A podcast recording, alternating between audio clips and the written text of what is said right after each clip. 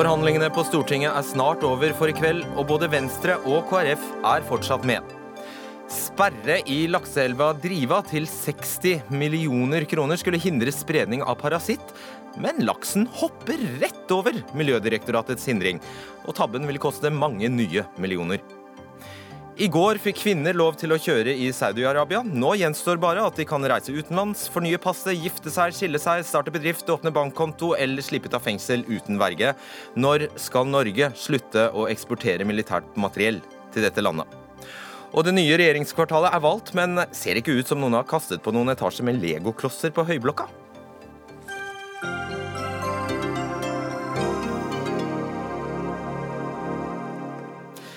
Riktig god kveld, dette er Dagsnytt 18. Mitt navn er Fredrik Solvang. Går Venstre inn i regjeringen eller ikke?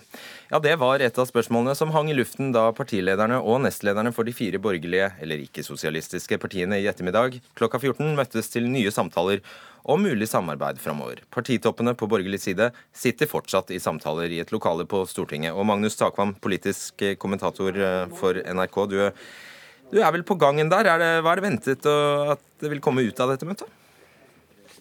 Ja, altså Det store spenningsmomentet foran dagens møte var om Kristelig Folkeparti vil konkludere med at de ikke lenger ser noen grunn til å fortsette i disse samtalene. De har jo varslet at de ikke ser det for seg å gå inn i regjering og heller ikke ha noen formell samarbeidsavtale og, og, bli opposisjon, som det heter. Men eh, nå får vi jo svaret på det i løpet av noen eh, minutter. Det er antydet her at, at disse politikerne kommer, kommer ut ca. 18.30. Så det er, det er, eh, det er spenning, spennende. Den spenningen utløses da. Nettopp. Eh, Martine Aurdal, du er debattansvarlig og kommentator i Dagbladet. Og ifølge din avis så eh, åpner et flertall i Venstres stortingsgruppe for å, å kunne gå i regjering med Fremskrittspartiet og Høyre, er det sånn? Ja, Kristelig Folkeparti har jo, som Magnus Takvam sier, gitt klare signaler på at de uansett ikke kommer til å gå inn i regjering med, eh, med Fremskrittspartiet og Høyre. Men Venstre har jo da ikke bestemt seg ennå for om de vil gjøre det eller ikke. Men eh, vi har snakket med kilder i stortingsgruppa, og der eh, ser det ut til at det er et flertall av medlemmene som i hvert fall ønsker å eh, fortsette forhandlingene mot en mulig regjeringsdeltakelse, for å se om de får nok gjennomslag til å gå igjen. Hvordan begrunner de det? Det er jo rett og slett at de mener at Venstre gjennom denne såkalte bestevenn-strategien som de kjørte i valgkampen, og som muligens skaffet dem noen strategiske høyrestemmer, eh, allerede har tatt så mye av kostnaden eh, ved å støtte regjeringen at de like gjerne kan eh, ta steget fullt ut og gå inn i den. Har ikke så mye å tape. Statsminister og Høyre-leder Erna Solberg sa før møtet, Magnus, eh, med, med Fremskrittspartiet, Venstre og KrF altså at hun har godt håp om å få med seg Venstre i regjering, og at hun har god tid. Hun gjentok altså det. Hva er, eh, er det åpenbart hva statsministerens mål er hvis KrF er ute av dansen? Ja, så Det er helt klart at Erna Solberg, eh, gitt at hun ikke får alle de fire partiene med i en regjering, som, som jo er, er, helt sikkert at hun ikke får, eh, får, svært gjerne vil ha tre partier med i regjering og få, få Venstre med. Eh, nå, det er ingen tvil om at det som dere har vært inne på, er mange i partiet Venstre som presser på for å gå inn eh, i regjering. Og, men svaret på det er lenger fram. Jeg tror det kan gå helt fram til, i hvert fall til jul over budsjettforhandlingene, før vi vet hvordan, hvordan akkurat det ender opp.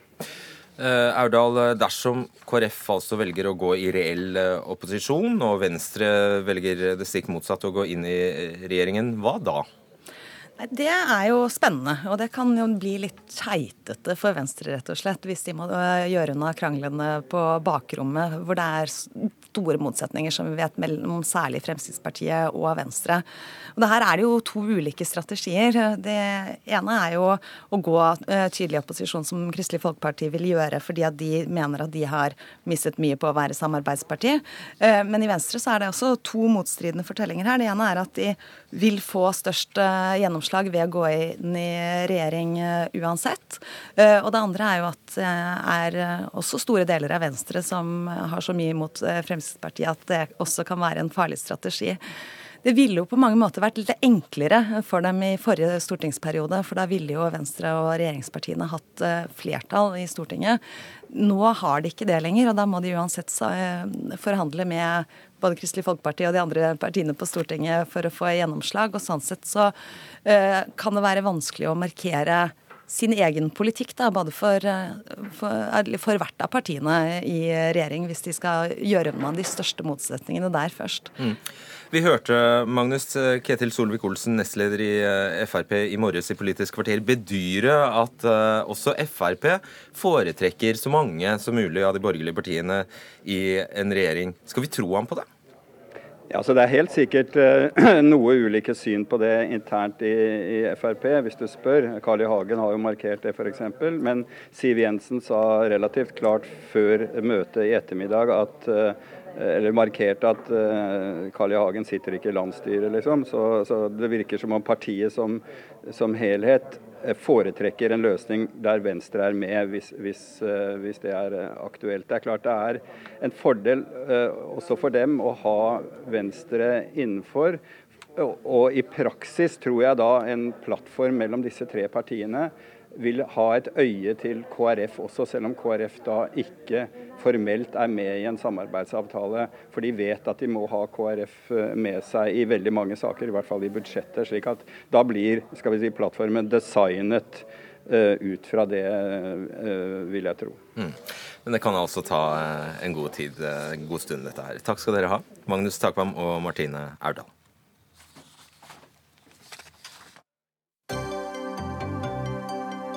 Dagsnytt 18 alle hverdager kl 18.00 på NRK P2 og NRK2.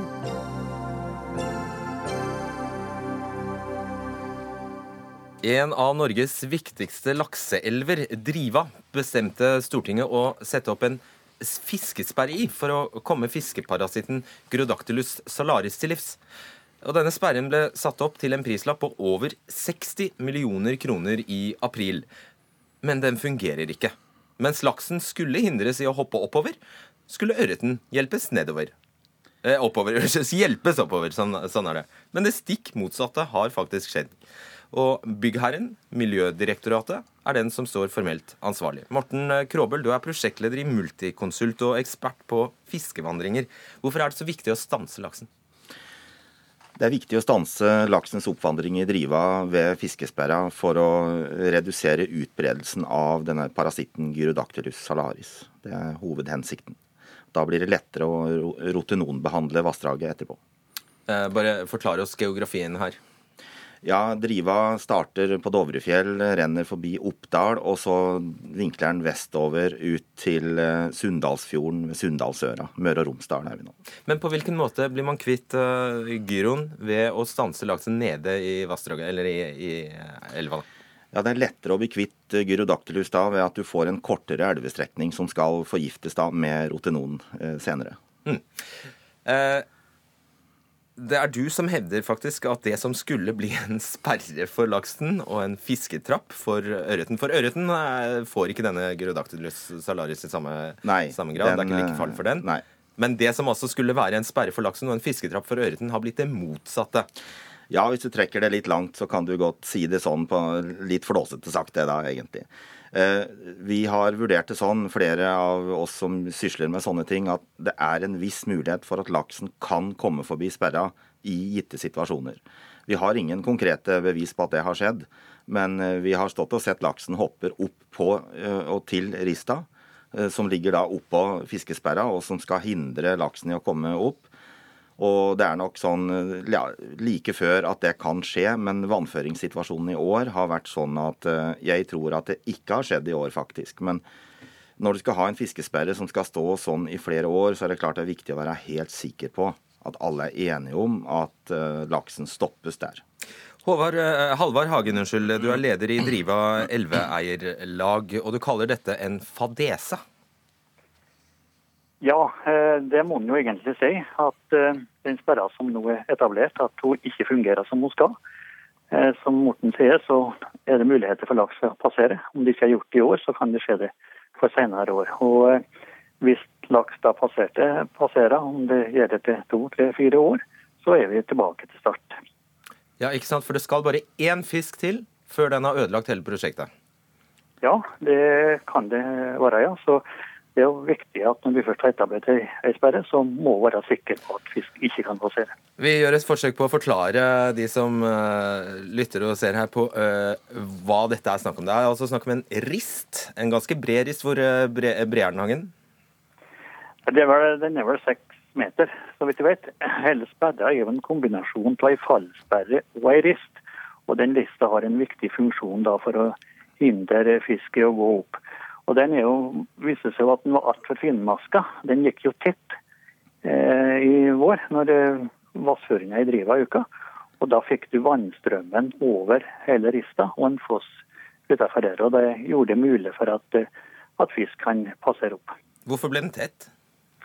Den er for rett og slett for finmaska. Eh, når vassføringa øker om våren, så kommer det jo en del rusk og rask. og Kvist og mose og gress og Ja, det, det gjør det. Og det gjorde at den gikk tett.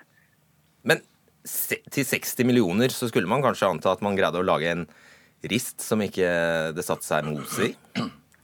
Ja, det må jo kunne forventes det, da. At uh, det, det tyder jo på at uh, dem som har prosjektert det her, har hatt en del manglende kunnskap om, om de utfordringene Driva byr på i en flomsituasjon. Og vi har jo ikke noen stor flom i år, det var en, det var en liten flom. Vi kan jo få flommer med det dobbelte av vassføring. Kunne man ikke forutsett dette, Krobel? At det ville sette seg litt kvist i en altfor tett rist? Jo, jeg er helt enig med Halvard Hagen her. Rista er feilkonstruert. Og det er en beklagelig sak som byggherre og de som har jobbet med dette, er nødt til å ta tak i. Og det har de også gjort med å utnevne flere av oss som jobber med sånt da, til vanlig. med å sette ned, Vi sitter da i en ekspertgruppe eh, fra NINA og Sintef og, og Multiconsult for å komme et skritt videre her nå. Raoul eh, Birak, du er seksjonsleder i fiskeseksjonen i Miljødirektoratet med oss fra Tyholt på eh, Trondheim. Forklar, hvordan kan man bruke 60 millioner kroner på en sperre og en rist som ikke fungerer? Ja, det, det kan du spørre om. Eh, nå er jo ikke vi enige i at ja, jeg spør. Eh, nettopp. At ikke den sperra fungerer, som også Gråbøl sa, så regner vi med at den faktisk har fungert. Samtidig så er det helt korrekt at uh, ikke alle altså Rista har ikke fungert helt som den skulle, og som kravspesifikasjonen tilsa. Da må jeg spørre deg, Er du enig i at den er nødt til å være 100% tett for at dette skal ha noen effekt? Eh, mener du at den 100, skal være 100% sikker på at den hindrer oppvandring av fisk? Ja, det må den være. Ja, Så den må eh, være det. Så det hjelper ikke at den er litt eh, At den, at den lekker litt? Nei, men, men eh, som Morten Krobel også sa, så er vel de vurderingene vi har fått fra, fra fagfolkene, at årets forhold tilsier at det ikke har vært mulig for fisk å komme seg opp. Ja, Men det vet du ikke. Nei, ingen vet det for sikkert, men eh, de som kan dette her, eh, mener at det er veldig lite sannsynlig. Men det er jo ikke det som er eh, poenget her nå. Lista fungerer ikke som den skal. Den var og skulle konstrueres for å kunne ta unna vann i en tusenårsflom, og vannet skulle ikke komme over kanten på rista, slik at all fisk på en måte sto under riska og eventuelt prøvde å hoppe opp. Og Hvordan forklarer du at man greier å gjøre det når man bruker 60 millioner kroner på denne rista? Ja, Rista er nok ja, da, jeg vet den ikke kostet 6 millioner. det er en stor demning der, og ja. det er hovedkonstruksjonen i forhold til å, å, stoppe fisken. Ja, Mye penger, da, men 60 millioner har dette prosjektet kostet. Hvordan forklarer du at det kan skje? Vi har prøvd å knytte til oss den beste kompetansen på området. Nå viser det seg, som også sagt her, at det er gjort sannsynligvis en prosjekteringsfeil. I hvert fall så har man ikke forutsett akkurat det der med mose. Nå har vel Rista neppe vært helt tett, for da hadde vannet i sin helhet gått overrista. Det aller meste har også i den situasjonen som var i år, gått gjennomrista. Men igjen, rista fungerer ikke som en skal. Derfor har vi nå sa nedsatt ja, Sa du at dere ikke greide å forutse at det ville komme, kunne komme mose opp i rista? Det har tydeligvis ikke de som har prosjektert, uh, forutsett i den grad det har skjedd. Men som sagt, uh, det har ikke Det har ikke medført at rista har gått helt tett, men den har ikke greid å sluke unna det nei, nei, men Så lenge den ikke fungerer, det er jo det vi snakker om, den fungerer eller ikke etter hensikten. Høres det like rart ut for deg som for oss andre at dere ikke forutså at det kunne komme mose i den rista? Ja, nå vil jeg si at Det er jo egentlig, som sagt igjen, så vi, vi er ikke eksperter på verken bygge demninger i, i vann og vassdrag eller å dimensjonere og prosjektere rister. Det er uh, konsulentfirmaet som Dere er byggherre, eller? Vi er byggherre, og vi har knytta oss til Så dere står ansvarlig? Vi er ansvarlig, derfor har vi tatt tak i dette nå, og dette skal vi løse. Ja, og Spørsmålet mitt var høres det like rart ut for deg som for oss andre at man ikke forutså at det kunne komme mose i Rista? Ja, det høres uh, for så vidt altså, nå i ettertid så høres det veldig rart ut. Jeg er enig i det, fordi at det er en kjent problemstilling, bl.a. for kraftverkbransjen. Mm.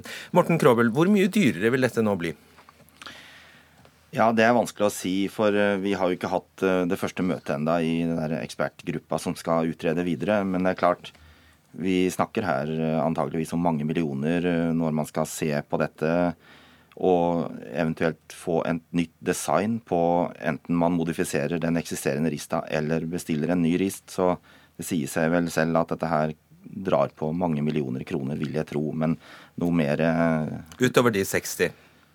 Ja, dette kommer jo sikkert som et tillegg, da. Eh, så, men eh, det er klart det er et eh, omfattende arbeid som skal gjøres på kort tid. Så, men vi er en gruppe som er sammensatt av personer med både ingeniørkompetanse og biologikompetanse. Ja. Vi skal prøve å forstå litt hvorfor det haster, dette ekspertutvalget bl.a., og at man ikke har all verdens tid. Halvard Hagen, hvorfor haster det? Det haster fordi at det at Store deler av Driva er avsperra, sju mil. Det meste av Driva er avsperra. Det er ingen fisk. Det påfører lokalsamfunnet store tap, både for elveeiere og for reiselivsnæringen og andre. Og Derfor så er det viktig at den perioden som brukes på å bli kvitt gyroen, er kortest mulig. Og Da, da bør en unngå slik eksperimentering som eh, er gjort nå. Og eh, det er, jeg må si at det blir litt eh, det når direktoratets mann kan si at de har ikke forutsett at det skulle komme mose eh, som kunne tette en finnmarkske rista. Du skulle ikke ha spurt det lang, langt omkring i Driva for den som har bodd og opplevd Driva et helt liv. Så vet du hva som, eh, hva som Driva fører med seg i en flomsituasjon. Men når det ikke har vært vilje til å involvere dem som kanskje sitter med den erfaringsbaserte kunnskapen, så er det klart at da går det som det har gjort. Hva er dette for noe, Raoul Bierlach? Dere har ikke involvert dem, og dere har brutt 60 millioner eh, kroner og kommer til å pådra oss en enda større millionregning? Nå er det vel kanskje sånn å dra det litt langt at vi ikke har involvert og informert om prosjektet lokalt, egentlig fortløpende. Men som sagt, eh, vi er også eh, overraska over at lista ikke fungerer som den skal. Ja, men hva sier du til det eh, Hagen sier, at hadde dere bare spurt noen som eh, følger med, og som bor ved Driva, så hadde dere visst at det kommer mose der? Ja, det skulle ha vært, eh, sikkert ha vært gjort. Og nå når vi skal eh, se på en ny rist, så har vi også tenkt å involvere eh, lokalsamfunnet enda mer og trekke på den lokalkunnskapen. Har dere ubegrensa med penger, dere?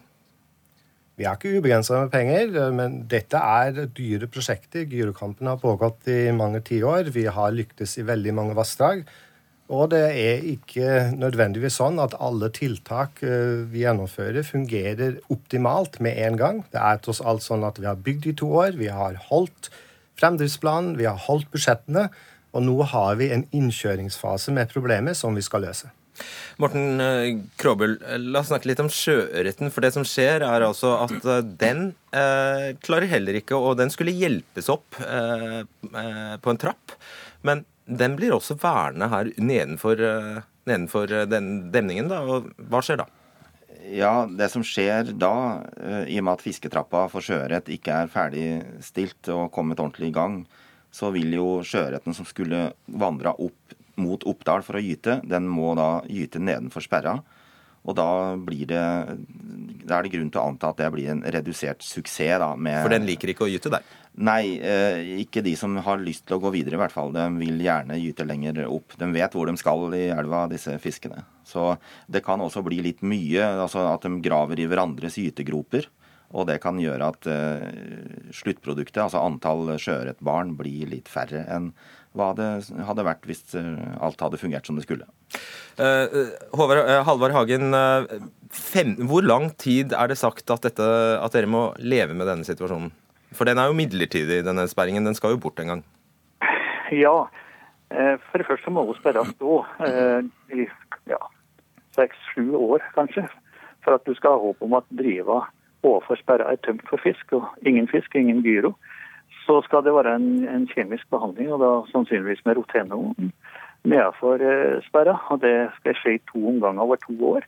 Og så er det da en, en periode på fem år før at uh, elva er friskmeldt. Så da er, nærmer vi oss 15 år. Og det, det er en lang periode. Og, og skjer det da ting underveis som uh, at det her mislykkes på et eller annet vis, så er vi tilbake til starten. Forklar oss til slutt, Raoul Birrak i eh, Miljødirektoratet. Hvorfor er dette en sak som angår oss nasjonalt? For det gjør det. Det gjør det nok. Eh, Gyroklus har blitt innført til Norge, har gjort stor skade. Mange lokalsamfunn som har blitt skadelidende. Store verdier gått tapt, også i Driva, der den har vært i flere tiår. Eh, vi har jobba kontinuerlig for å fjerne den parasitten på oppdrag fra fra Stortinget, faktisk, som ønsker at vi gjør dette her. Og lyktes i veldig stor grad. Det, ja, det ene er å bli kvitt, ja. Unnskyld, bare fortsett. Bli kvitt, kvitt gyroen i driva, men det er også det at gjør vi ikke det, så er det overhengende fare for at parasitten sprer seg til stadig nye vassdrag, og at stadig flere elver og lokalsamfunn blir skadelidende. Og det er det som er målet med det hele. Må vi ikke miste av syne. Driva skal tilbake til å være et levende laksevassdrag med stor verdiskapning, langt større enn det som har vært de siste to-tre tiårene med Gyro. Og Derfor er det vel litt flaut at denne rista og denne, denne sperringen ikke fungerer? Det er en beklagelig eh, feil som har skjedd, og som vi rydder opp i. Da sier jeg tusen takk til dere, Morten eh, Kråbøl, Halvard Hagen og Raoul Birak.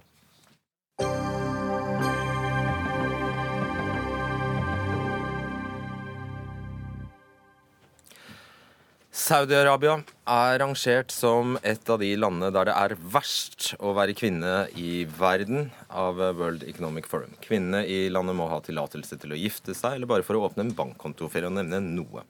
Men i går fikk kvinnene i Saudi-Arabia endelig grønt lys til å kjøre bil. Amnesty International Norge mener avtroppende utenriksminister Børge Brende ikke har gjort nok for å fremme menneskerettigheter i land som nettopp Saudi-Arabia. Carl Schjøtz Viby, du er tidligere ambassadør til dette landet Saudi-Arabia. Hva er grunnen til at eh, kvinner plutselig får kjøre bil? Det er en eh, prosess som har eh, pågått i mange år. Det har vært et veldig press både fra kvinner Jeg sier ikke kvinnene, for det er jo en del kvinner i Saudi som er mot dette, så klart. Ganske mange. Men fra mer aktive kvinner i de store byene. Og fra utlandet. Det har jo vært en veldig skal vi si, svart flekk på Saudi-Arabias renommé at det er det eneste landet i verden hvor kvinner ikke kan kjøre bil. Så Derfor var dette noe som egentlig måtte komme, og nå kom det altså. Men det er jo altså, lista over forbud og påbud for uh, kvinner er jo veldig mye lenger enn dette med å kjøre bil.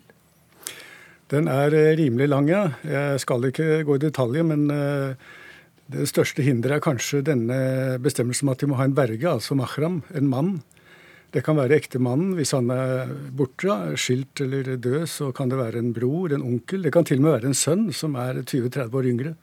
Så hun kan ikke gå inn i skal vi si, juridiske forhold, økonomiske forhold, uten å ha vergens velsignelse. Hun kan heller ikke gifte seg, skille seg, reise til utlandet, reise innlandet osv. osv.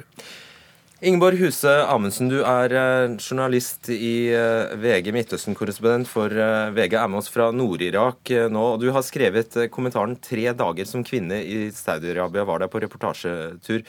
Du sier at det kjennes på kroppen at dette er verdens mest kvinneundertrykkende land. Forklar. Ja, også vi var jo der i februar nå i år, jeg og en kvinnelig kollega. Eh, og det er jo veldig mange merkbare fysiske ting ved å tre inn i et land som Saudi-Arabia.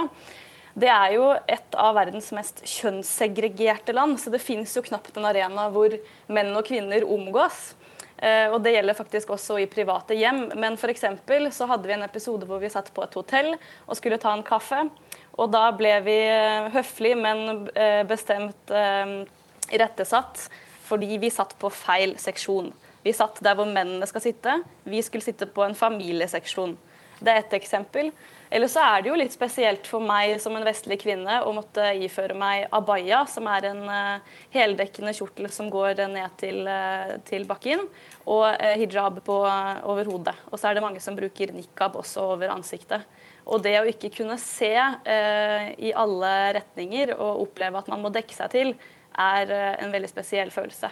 Ja, det er altså, eh, Du skriver selv det er kjønnsdelte restauranter, arbeidsplasser, kjøpesentre, utdanningsinstitusjoner, flyplasser, you name it, bankfilialer, egne bankautomater faktisk til og med for, for eh, kvinner, skriver du. Når du snakket med dem, hva ga de uttrykk for at de ønsket seg mest? Var det å kjøre bil? Ja, det var det faktisk ikke. Eh, det overraska meg litt. Vi uh, utenfor Saudi-Arabia syns jo det er veldig veldig spektakulært rart at kvinner ikke får kjøre i Saudi-Arabia uh, inntil nå, da. Men det som er det mest presserende for kvinner som faktisk lever der, og de er jo 13,5 millioner mennesker, det er å få avskaffet det som heter vergeloven. Og det er en lov som henger ved enhver kvinne fra hun er født til hun dør.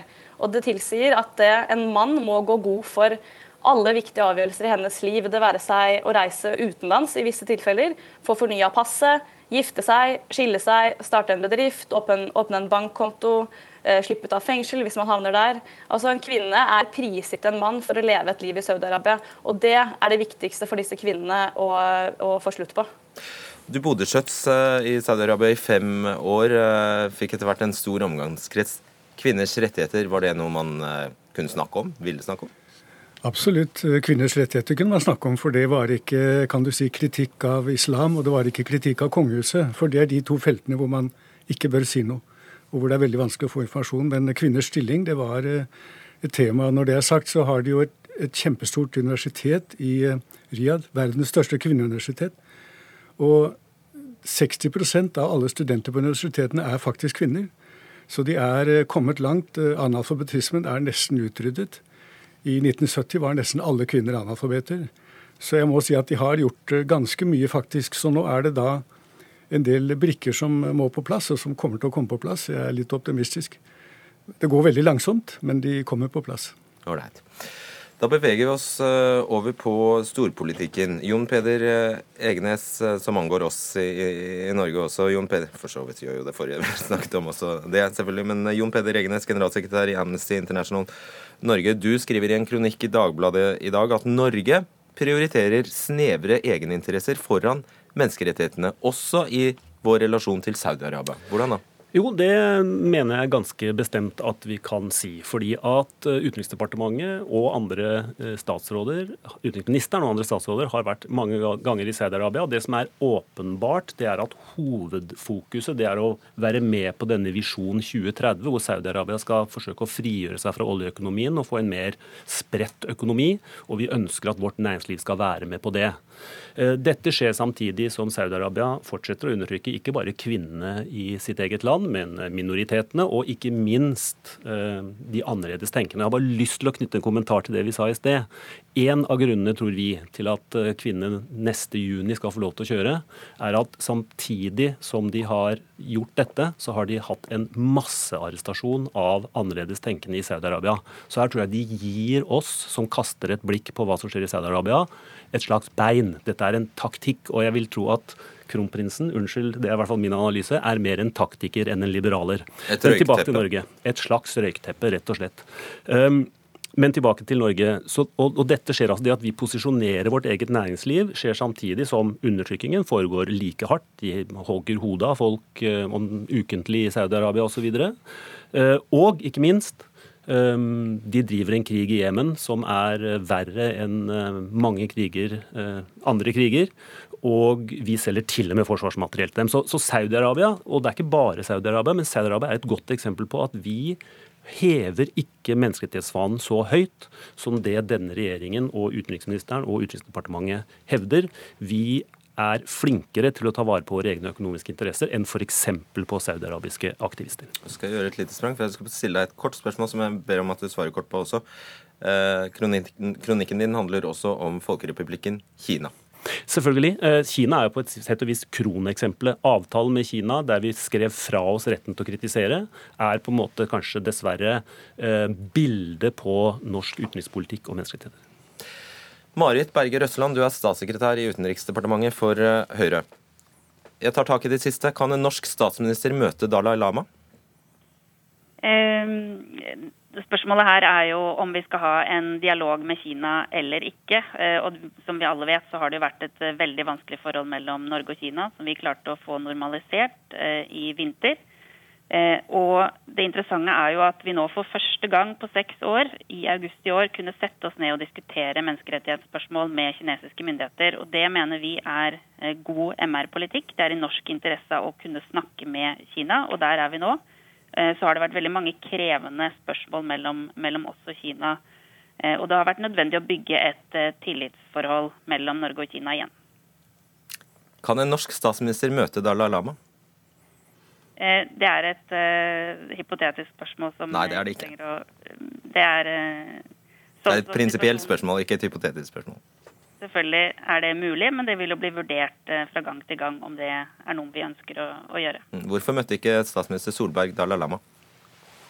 Eh, nå skal vi diskutere kronikken til, eh, til Egenes eh, og det som Som bl.a. Eh, handler om akkurat dette? Som handler om at, eh, at, eh, Amnesty mener vi har en, en svekket eh, MR-profil overfor Kina. Og jeg mener at det å ha kontakt med Kina er det avgjørende mm. for at vi kan ha en MR-dialog med Kina. Og den kommer vi altså i gang med i august. Og det er litt påfallende at når vi nå har begynt å snakke med, om, med menneskerettigheter med Kina igjen, så er det plutselig da er det jo ikke det et interessant spørsmål å, å diskutere lenger. For nå er vi altså kommet i den situasjonen at vi kan sitte rundt et bord med Kina og snakke om menneskerettigheter. Der var vi ikke. Men det er på bekostning av at Erna Solberg kan møte ham? Altså, Hvis vi ser på situasjonen for europeiske land, eh, så er det ikke mange europeiske ledere som vil takke ja til å, å møte Dalai Lama. Sånn, sånn, er virkeligheten, og det er en virkelighet vi også må forholde oss til. Egnes, er det jeg som er på jordet, som eh, Røsland sier? Eller Nei, er dette samme tema? Jeg mener jo at dette henger nøye sammen, og Dalai Lama er på en måte spissen på dette. Men, men det er mange andre hva skal jeg si, mindre sånn åpenbart kontroversielle ting som, som jeg syns er viktig å, å, å, trekke fram her. Og, og, Et av eksemplene er eh, at uh, vår regjering kunne ikke engang på skikkelig vis kondolere en fredsprisvinner da han gikk bort. Um, at vi har sagt at Vår statsminister sa veldig tydelig fra da hun reiste til Kina at vi kommer ikke til å snakke snakke om menneskerettigheter. At vår fiskeriminister går på en stor scene i Kina og roper ut 'vi elsker Kina'.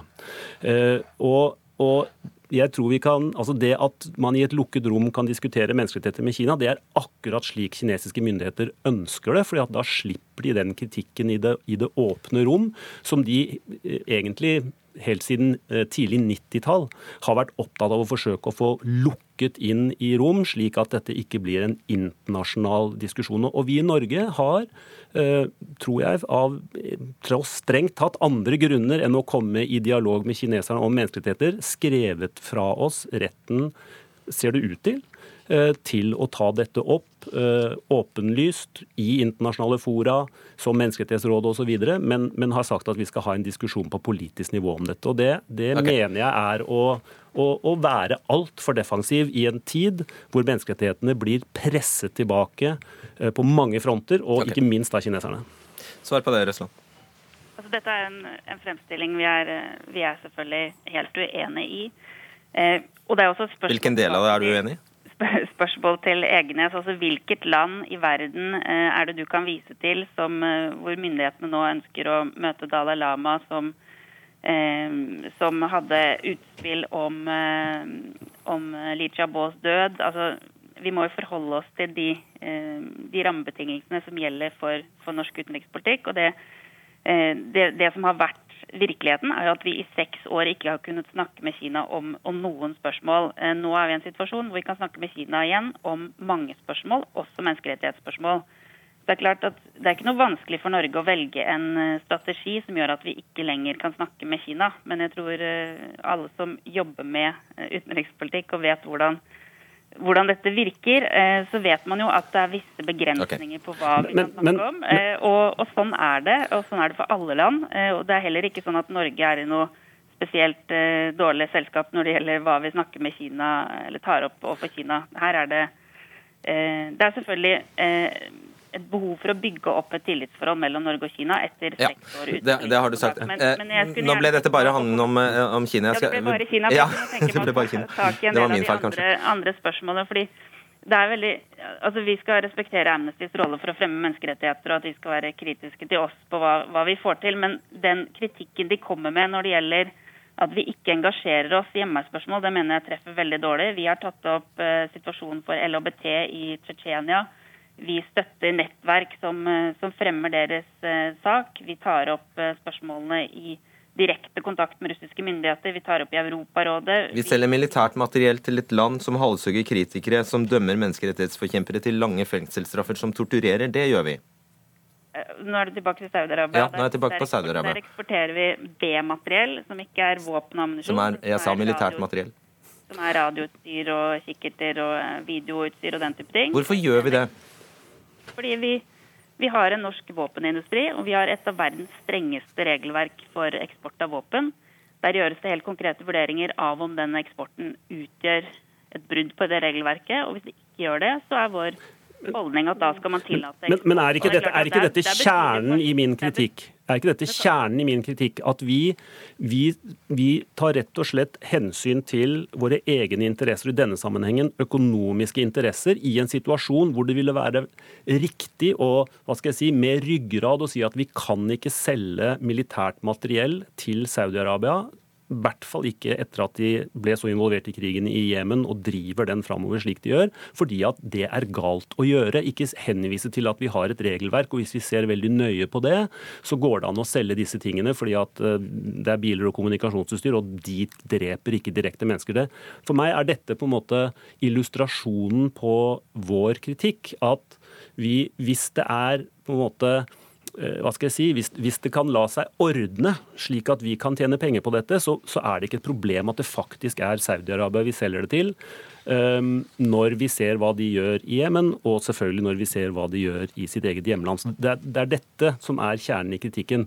Hvorfor står vi ikke tydeligere opp for de menneskerettighetene som regjeringen gang på gang sier dette er grunnstammen i vår politikk? Røsland, du var så konkret på LHBT-arbeidet til Norge i var det Tsjetsjenia du sa. Du kan få være like konkret. Hva gjør Norge for å fremme menneskerettigheter i Saudi-Arabia? Vi eh, tar opp eh, spørsmål om menneskerettigheter eh, i Saudi-Arabia med saudiarabiske myndigheter. Senest forrige uke da Børge Brende var i FN og møtte sin kollega fra altså den saudiske utenriksministeren. Og vi har tatt opp spørsmål om dødsstraff, ytringsfrihet, kvinners Fungerer det? Eh, Vi engasjerer oss i enkeltsaker. Vi er til stede under rettshøringer eh, for menneskerettighetsaktivister i Saudi-Arabia. Og vi er veldig urolige for den menneskerettighetssituasjonen vi, vi ser, og vi tar det opp ofte. Men, men dere gjør det Og så er det jo spørsmål om, eh, om fungerer det at andre land sier noe om, om hva man mener om menneskerettighetssituasjonen i land. Altså vi, vi håper jo det, og det er jo den metoden vi, vi kan bruke. vi, vi hørte jo nettopp, bare, vi hørte jo nettopp den tidligere ambassadøren si at en, en av grunnene til at kjøreforbudet er borte, er hvordan eh, det saudiske kongehuset ble latterliggjort i utenverden. Fordi at dette var for vilt. Og det, og det er det vi må også være mer, og det har vi, dette har vi snakket med UD om også ofte før, vi må være tydeligere, vi må være offentlige. Det holder ikke bare å gjøre dette i de lukkede rom. Vi må lande der. Takk skal er- dere Ti sekunder, ja. Ja.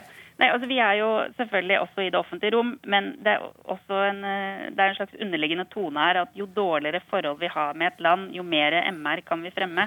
Eh, Og vår erfaring er at jo mer kontakt, altså har vi næringslivssamarbeid, kultursamarbeid, kan snakke om Men, men, men, men vi- Nei, nei, nei, du bevisene kan på ikke, det du kan ikke svare på det. Og jeg tror alle skjønte at når du sa MR, eh, Marit Berger Røsland, så mente eh, så siktet du det betyr menneskerettigheter. Er Ja. Takk skal dere ha. Jon Peder Egenes, Marit Berger Røsland, Karl Schjøtz Viby og Ingeborg eh, Amundsen Huse.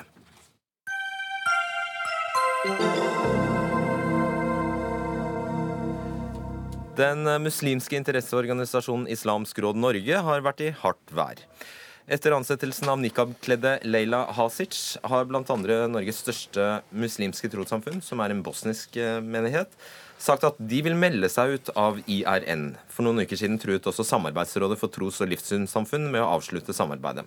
Lederen for eh, IRN, Metab Afsar, har måttet tåle mye kritikk, men nå får han også støtte, bl.a. fra deg, Reza Rezai. Rezai eller Rezai? Rezai. Rezai. Takk. Folkevalgt for Sagene Rødt. Du sier i Klassekampen i dag at du syns presset eh, som har blitt lagt på Islamsk Råd Norge, er hårreisende. Hvorfor det? Eh, Islamsk Råd er eneste paraplyorganisasjon som representerer det største eh, muslimske miljøet i Norge, som da representerer 42 menigheter og moskeer. Og Mahtab er da ansatt av rådet Rådet er da representant for alle de menighetene. Og da mener jeg er viktig er at staten ikke går ut som man har gjort gjennom Kulturdepartementet, og så blander seg i ting som egentlig er om interne forhold når det gjelder ansettelse og andre ting. Så jeg mener det er møtet av Afsar har gjort riktig Bare forklar for oss hva Kulturdepartementet har gjort. Bare igjen. Nei, Man har gått flere ganger. Den ene har kritisert Islamsk råd for ansettelsessaken. Den andre har sagt at man ikke driver med dialog og brobygging. Nettopp hvis noen har drevet med brobygging mellom muslimer og det storsamfunnet, det er Islamsk råd. Så lenge jeg har vært i Norge. Det er den viktigste aktøren for å gi informasjon, opplysning, kunnskap, rett og slett. og praktisk tilrettelegge at muslimene føler seg vel i storsamfunnet. De har gjort kjempebra jobb, okay. og derfor mener jeg er at, at storsamfunnet har et ansvar for å støtte den største minoritetsgruppen, som er representert ved Islamsk råd. Esel uh, uh, Manosheri, du er generalsekretær i organisasjonen Likestilling, integrering og mangfold, forkortet mm. LIM. Du mener det stikk motsatte. Du mener altså at IRM og Meta Bafsar gjør en dårlig jobb, rett og slett? Ja, jeg mener altså, For å rose IRN for det arbeidet de har gjort fram til nå, så kan vi godt si at de har vært med på en eller annen form for brobygging. At de har vært representanter for muslimer i Norge. De har vært de eneste. Men nå ser vi at det skjer det rører seg, at de kanskje ikke er de eneste lenger. Eh, men det jeg mener at han, eller IRN gjør en dårlig jobb nå, er jo responsen en får fra de sine egne medlemmer. De er jo, syns jo at IRN har tatt en retning som ikke de kan kjenne seg igjen. Er det ikke bare 5 av 42? Jo, men hvis du da tar 5 av 42, hvor da en av de fem representerer nesten 10 000 av de sine medlemmer, så er kanskje tallet fem liten, men med antall medlemsmasse. 10 000 er ganske stort. Så har du Rabita-moskeen, som har rundt 3000 medlemmer. Så det er store antall som går ut av denne paraplyen. Okay. Eh, kjernen i, kjernen i, det som utviklet seg til å bli den siste store konflikten her, var altså ansettelsen av Leila Hazir, som hadde nikab. Hun ble ansatt i en kontorjobb, skulle drive kommunikasjonsarbeid. Hva syns du om den ansettelsen? Altså Nå har jeg jobbet i mange år som aktivist tillitsvalgt i fagbevegelsen. Jeg har vært aktiv i politikken. Ansettelsessak er knyttet til arbeidsmiljøloven i Norge, og det skal være ryddige arbeidsansettelser. Islamsk råd, slik jeg har registrert, undersøkt, de har annonsert en stilling. Det har vært mange søkere. De har innkalt seks kvalifiserte sø eh, søkere. Det er ikke det jeg spør om, jeg spør hva du syns om ansettelsen. Nei, det er det jeg sier. At de har en grei ansettelsesprosess. Og da av Hva syns du om ansettelsen av henne med nikab i en kommunikasjonsjobb? spør jeg. Det handler ikke om kommunikasjon. Staten og departementet har gitt penger. Helt konkret, det står i den tildelingsbrevet at de skal få styrket sin sekretariat. Og det handler om NS stilling. Om hvordan Islamsk råd velger å bruke pengene til å styrke sin sekretariat, det mener jeg dette er et internt forhold som staten og kommunen må ikke bruke makt og blande seg i. Dette er uhørt, og dette er farlig utvikling. At statene skal blende seg okay. i det interne forhold. Det var faktisk en helt ordinær ansettelsesprosess, eh, Manosheri? Mm. Ansettelsesprosessen er helt uh, innenfor lovens uh, regler, og den, det legger ikke jeg meg opp i. Men det er klart, det, her kan jeg lese mellom linjene. Dette er et signaleffekt som ikke er bra. Det er nettopp på bakgrunn av denne type avgjørelser som gjør at moskeen melder seg ut. Dette er en retning i, som ikke er representativ for muslimer i Norge. En nikab-kledd kvinne er ikke en retning, det er ikke ønska av majoriteten. Det er ikke ønska med heldekkende ansiktsplagg i Norge. Så de skal ikke få jobb, de da? Jo, det skal de ha. Men jeg tenker for IRN som skal representere muslimer, så tenker jeg de skal tenke seg godt om hva slags signal de sender ut. Men det er jo ingen andre muslimer som går med nikab? Det er ikke et muslimsk plagg. Dette er ikke representativt for muslimske kvinner.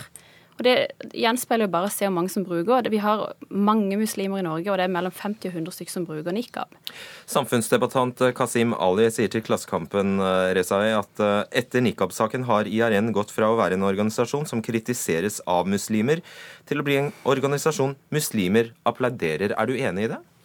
Helt nøyaktig, for det er første gang i historien siden 89 jeg har vært, er at da går en leder, en ansatt, helt formelt representerer interessene til en paraplyorganisasjon som heter Islamsk råd.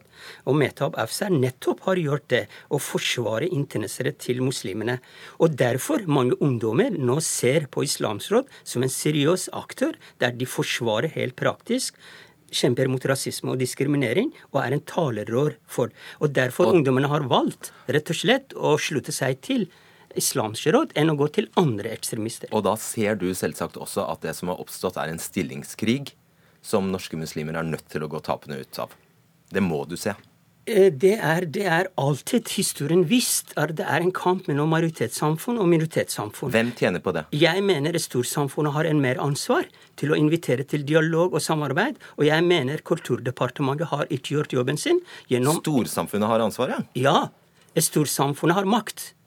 Overfor minoriteter. Så hvis minoriteten eh, begår en bevisst provokasjon, så skal storsamfunnet ved å ansette en, en nikab Det blir jo så, oppfattet sånn at det er en provokasjon. Slik jeg har fått med meg helt fakta at av de som seks som ble innkalt til intervju, var også en kristen, en ateist og en menikap.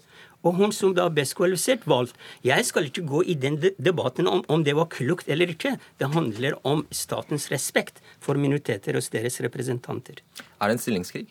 Det er en stillingskrig. Eh, og for å spole litt tilbake til den eh, brobyggings- og dialogsarbeidet som skal skje, jeg er helt uenig. Jeg mener at som minoritet så er du plikta til å drive, og de har søkt penger på den bakgrunn, at de skal drive brobygging og dialogsarbeid. Da ligger det i mandatet deres. Og dette er stikk i strid av det de søker penger for. Dette er stikk i strid av mandatet deres. Og refleksjoner, du ser reaksjonen på de moskeene som ser det problemet som vi ser, at de melder seg ut.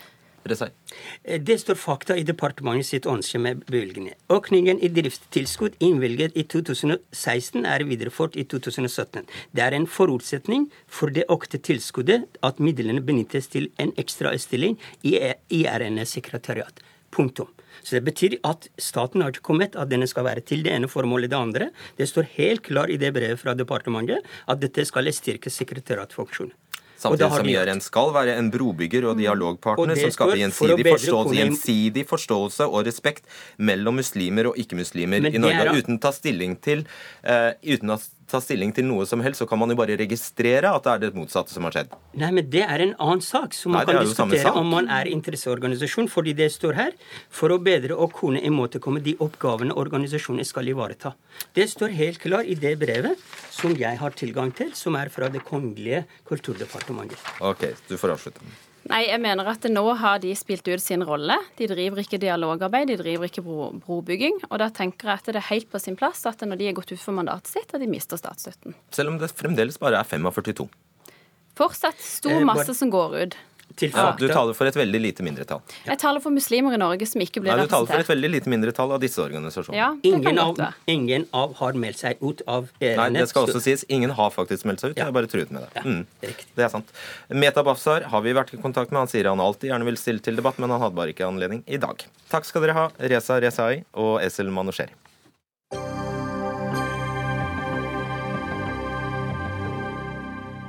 Vi skal tilbake til samtalene mellom de fire borgerlige partiene om mulig samarbeid framover, for møtet som har pågått i et lokale på Stortinget, er avsluttet nå. Og det er klart at Kristelig Folkeparti ikke deltar i videre samtaler om regjeringssamarbeid, men KrF-leder Knut Arild Hareide sier han ønsker å samarbeide med regjeringen. Magnus Takvam, på plass på Stortinget, hva innebærer det?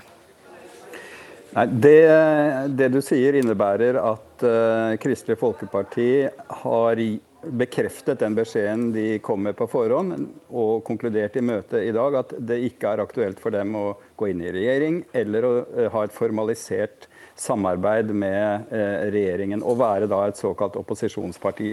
Eh, så det er interessante nyheter som kom ut av dette møtet. Det betyr at Kristelig Folkeparti likevel sier de vil være såkalt konstruktive i opposisjon og delta i forhandlingene om budsjettet, som er den viktigste saken utover høsten. Og så vil da partiet Venstre eh, etter hvert fortsette samtalene om hvilken form deres forhold til regjeringen skal få, om de skal gå inn i regjering eller eh, lage en politisk eh, plattform, samarbeidsplattform på en eller annen måte. Den konklusjonen må vi nok vente en god stund på. Har Erna Solberg satt nå om at etter at KrF altså ikke vil delta i samtalen lenger? Ja, så det er klart Erna Solberg ble selvfølgelig spurt om hvordan hun ser på det grunnlaget hun nå har i Stortinget. Det er jo åpenbart at hun har, og hennes regjering har et svakere grunnlag enn eh, til nå. Eh, når da Kristelig Folkeparti, som er på vippen, ikke er interessert i å inngå i noe formalisert eh, samarbeid. Eh, så hun erkjente at eh, regjeringen har et tynnere grunnlag i Stortinget. Så det, det, er åpenbart et nederlag for, for regjeringen at den ikke har klart å få alle fire partiene med på en eller annen form for formalisert samarbeid. Da viser vi bare til nyhetssendingen utover kvelden og nrk.no for mer om dette. Takk skal du ha, Magnus. Hør Dagsnytt 18 når du vil. Radio NRK Radio.nrk.no.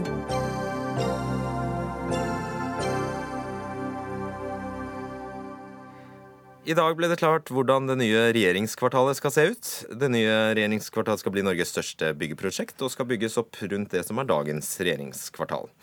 Før sommeren ble sju konsepter valgt ut, og så ble det to finalister, finalister og i dag kåret juryen vinneren. Det er Team Urbis og G8 pluss for de som er spesielt interesserte, som har fått jobben med å utforme hele dette prosjektet. Og Synnøve Lysand Sandberg, byggherredirektør i Statsbygg, juryleder i arkitektkonkurransen. Hvorfor dette konseptet? Vi kåret Adapt som da én av to vinnere, og den vi rangerte som nummer én. Fordi vi mener at eh, Adapt har veldig gode løsninger på byrommene, som er definert i det prosjektet. De har plassert et eh, markert bygg på det som kalles felt eh, A mellom Høyblokka og Deichmanske bibliotek. Der Y-blokka står i dag? Der deler av Y-blokka står i dag, ja. Det bygget bidrar til at Johan Nygaardsvolds plass blir en markert plass i det nye regjeringskvartalet også. Og det blir den viktigste offentlige plassen i, eh, i hele det konseptet. Nå er dette radio, så du må være snill og forklare meg. Hvordan, hvordan, den, den, bygningen du nå snakker om, det er en slags trekant? Ja, den ser litt ut som en pyramide. Den har en ganske lav et litt lavere inngangsparti. Eh, som da trapper godt opp eh, mot eh, den regjeringsparken som strekker seg mot Trefoldighetskirken og Deichmanske. Og så kommer denne markerte spissen opp. Og det som vi i juryen mener er flott med det, er at da har vi et tydelig bygg fra vår tid, og som da spiller godt sammen med G-blokka fra 1905 og Høyblokka fra 1958. Ja, Men på Høyblokka er det bare kastet noen legoklosser opp, ser det ut som. Ja, Der så kommer det to nye etasjer som eh, Eller vi river noen og skal bygge noen nye, så totalt sett så blir det to etasjer høyere enn i dag. Og det gjør jo at Høyblokka blir kvartalets desidert høyeste bygning også i fremtiden. Janne Wilberg, du er byantikvar i Oslo kommune. Eh, hva er det du misliker mest med dette? Ja, nå eh, har jeg jo forståelse Du må velge. eh, jeg må velge, ja. Nei, det må jeg faktisk ikke. Men jeg har bare lyst til å si at jeg har jo forståelse for at eh, Statsbygg vi har fått et uh, oppdrag, så de er jo da det nyttige verktøyet til regjeringen i denne saken. Eh, og sånt er litt epler og pærer vi diskuterer, men, eh, men, vi ser jo gjennom dette, selv om man har kåret en vinner, så betyr det jo ikke at konseptet for regjeringskvartalet er noen vinner. Det er fortsatt et monstrøst anlegg, og det er ikke videre enn nennsomt eh, eh, sett med våre øyne. Ja, fordi dere, dere mener det er galskap å presse alle eh, departementene inn på denne plassen? Ja, vi mener det er helt unødvendig å gjøre det. Og man har egentlig ikke eh, tatt det på alvor at så mange har reagert på det. Syns du ikke det er litt fint? Ikke? Nei. Ingenting? Da tenkte du på, Nå snakket jeg om konseptet. Det er klart det er positive ting ved det vi ser, uh, dette resultatet av konkurransen. Men, ja, nei, nei, Nå tenkte ja. jeg på vinner, vinnerskissen, altså. Så ingenting fint med det? Jo, selvfølgelig er det det. Men det er ikke det som er poenget for meg. Poenget er det at man da tar og bygger på mer på den faktisk fredningsverdige høyblokka enn det det faktisk tåler. Og jeg må jo innrømme, det jeg savner eh, i dette, er jo Det er jo ikke veldig spenstig arkitektur, kanskje med unntak av eh, det, det seilet, eller hva du kaller den. eh, Pyramide. Ja, pyramide, kall det hva du vil. Den skjeve saken ved siden av høyblokken. Ja. Den bygningen er jo også veldig godt formet, mener juryen, fordi den er fint skåret mot regjeringsparken, så den gir mye lys og også en god romf- romfølelse i den parken. Eh, og Når det gjelder kvalitetene for øvrig, så mener jo vi at f.eks. bebyggelsen mot Youngstorget er godt dempet ned mot Møllergata 19 og gir den bygningen egentlig et flott bakteppe. Eh, og så Men du mener du har billedbevis for det motsatte? Vi bare tar det. Hva, hva er det du viser frem nå? Ja, det er øyet som ser i forhold til de andre forslagene, kan jeg kanskje være enig med deg, men dette er jo fortsatt overdose. Ja, jeg vet ikke om det vi fikk med oss, men det er altså en svær en, en veldig hvordan, hvordan vil du beskrive det? Ja, det er jo en stor betongfirkant dette ser ut som eh, fra eh, Youngstorget. Ok. Um, litt om prosessen her. Er det noen av oss som lever når dette er ferdig? Ja, det får vi absolutt håpe at det er. Fordi vi, eh, vår plan er jo at vi eh, starter eh, Altså at vi nå får en beslutning i Stortinget i eh, 2019 hvor vi får godkjent eh, en eh, kostnadsramme, som er et eh, budsjett for den videre gjennomføringen av, av byggeriet. Og da kommer vi til å byggestarte i 2023. Og så blir det ferdigstillelse fra eh, 25 og utover. Men eh, jeg regner med byantikvaren vil ha litt å si underveis her? Eh, For det første så mener jeg at det er helt greit at man bruker litt tid på, på dette. Det er ikke sånn at, man, at det er noe tidskritisk her. Alle departementene de er godt plassert. Man har brukt mange, kanskje til og med hundrevis av millioner på å plassere dem andre steder. Så vi kan tillate oss å se på om det fins en fleksibilitet i eh, det som nå er lagt frem. Men det innerste håpet ditt er at eh, et nytt storting eller eh, nye storting bare skrinlegger hele greia? eller? Nei, vi trenger et nytt regjeringskvartal i rettferdighetens navn, men jeg vil altså ha et mindre volum. Og da vil jeg nettopp da eh, ønske meg at eh, UD f.eks. For forblir der det er i dag. På Victoria terrasse. Ja. Eh, til slutt, eh, Sandberg. Er det en altså, Dette skal gjennom i hvert fall et nytt storting. Ingen penger er bevilget. Hva, hva kan skje? Det som vi er veldig fornøyd med nå, det er jo at vi har gjennomført en god konkurranse. Vi har hatt 59 ulike eh, miljøer in involvert i hele denne konkurransen. Vi har kåret en solid vinner. Og vi i Statsbygg nå, når man ser fremover, gleder oss jo selvfølgelig til å få denne kompetente vinneren inn eh, hos oss og jobbe videre sammen i forhold til det å utvikle dette kvartalet videre. Med utgangspunkt selvfølgelig i det konseptet som er da lagt fram som vinneren i dag. Ja, men Du medgir at det kan skje ting her underveis her? det jeg mener er at eh, vi har i hvert fall sørget for å ha en konkurranse og en prosess for å inngå den kontrakten som sikrer at vi får god kvalitet på den jobben som skal gjøres videre. Fem sekunder. Ja, la oss håpe at det er så fleksibelt at vi kan beholde Y-blokka eh, og få til noe som vil bli bedre for bylivet i Oslo. Er det nei, nei? Jeg tenker at eh, Et element som er veldig flott her også, som vi ikke har vært inne på, det er det nye vi får. Ja, Det har vi ikke tid til. Beklager. Takk skal dere ha. Dag Dørum, Erik Sandbråten og Fredrik Solvang. Takk.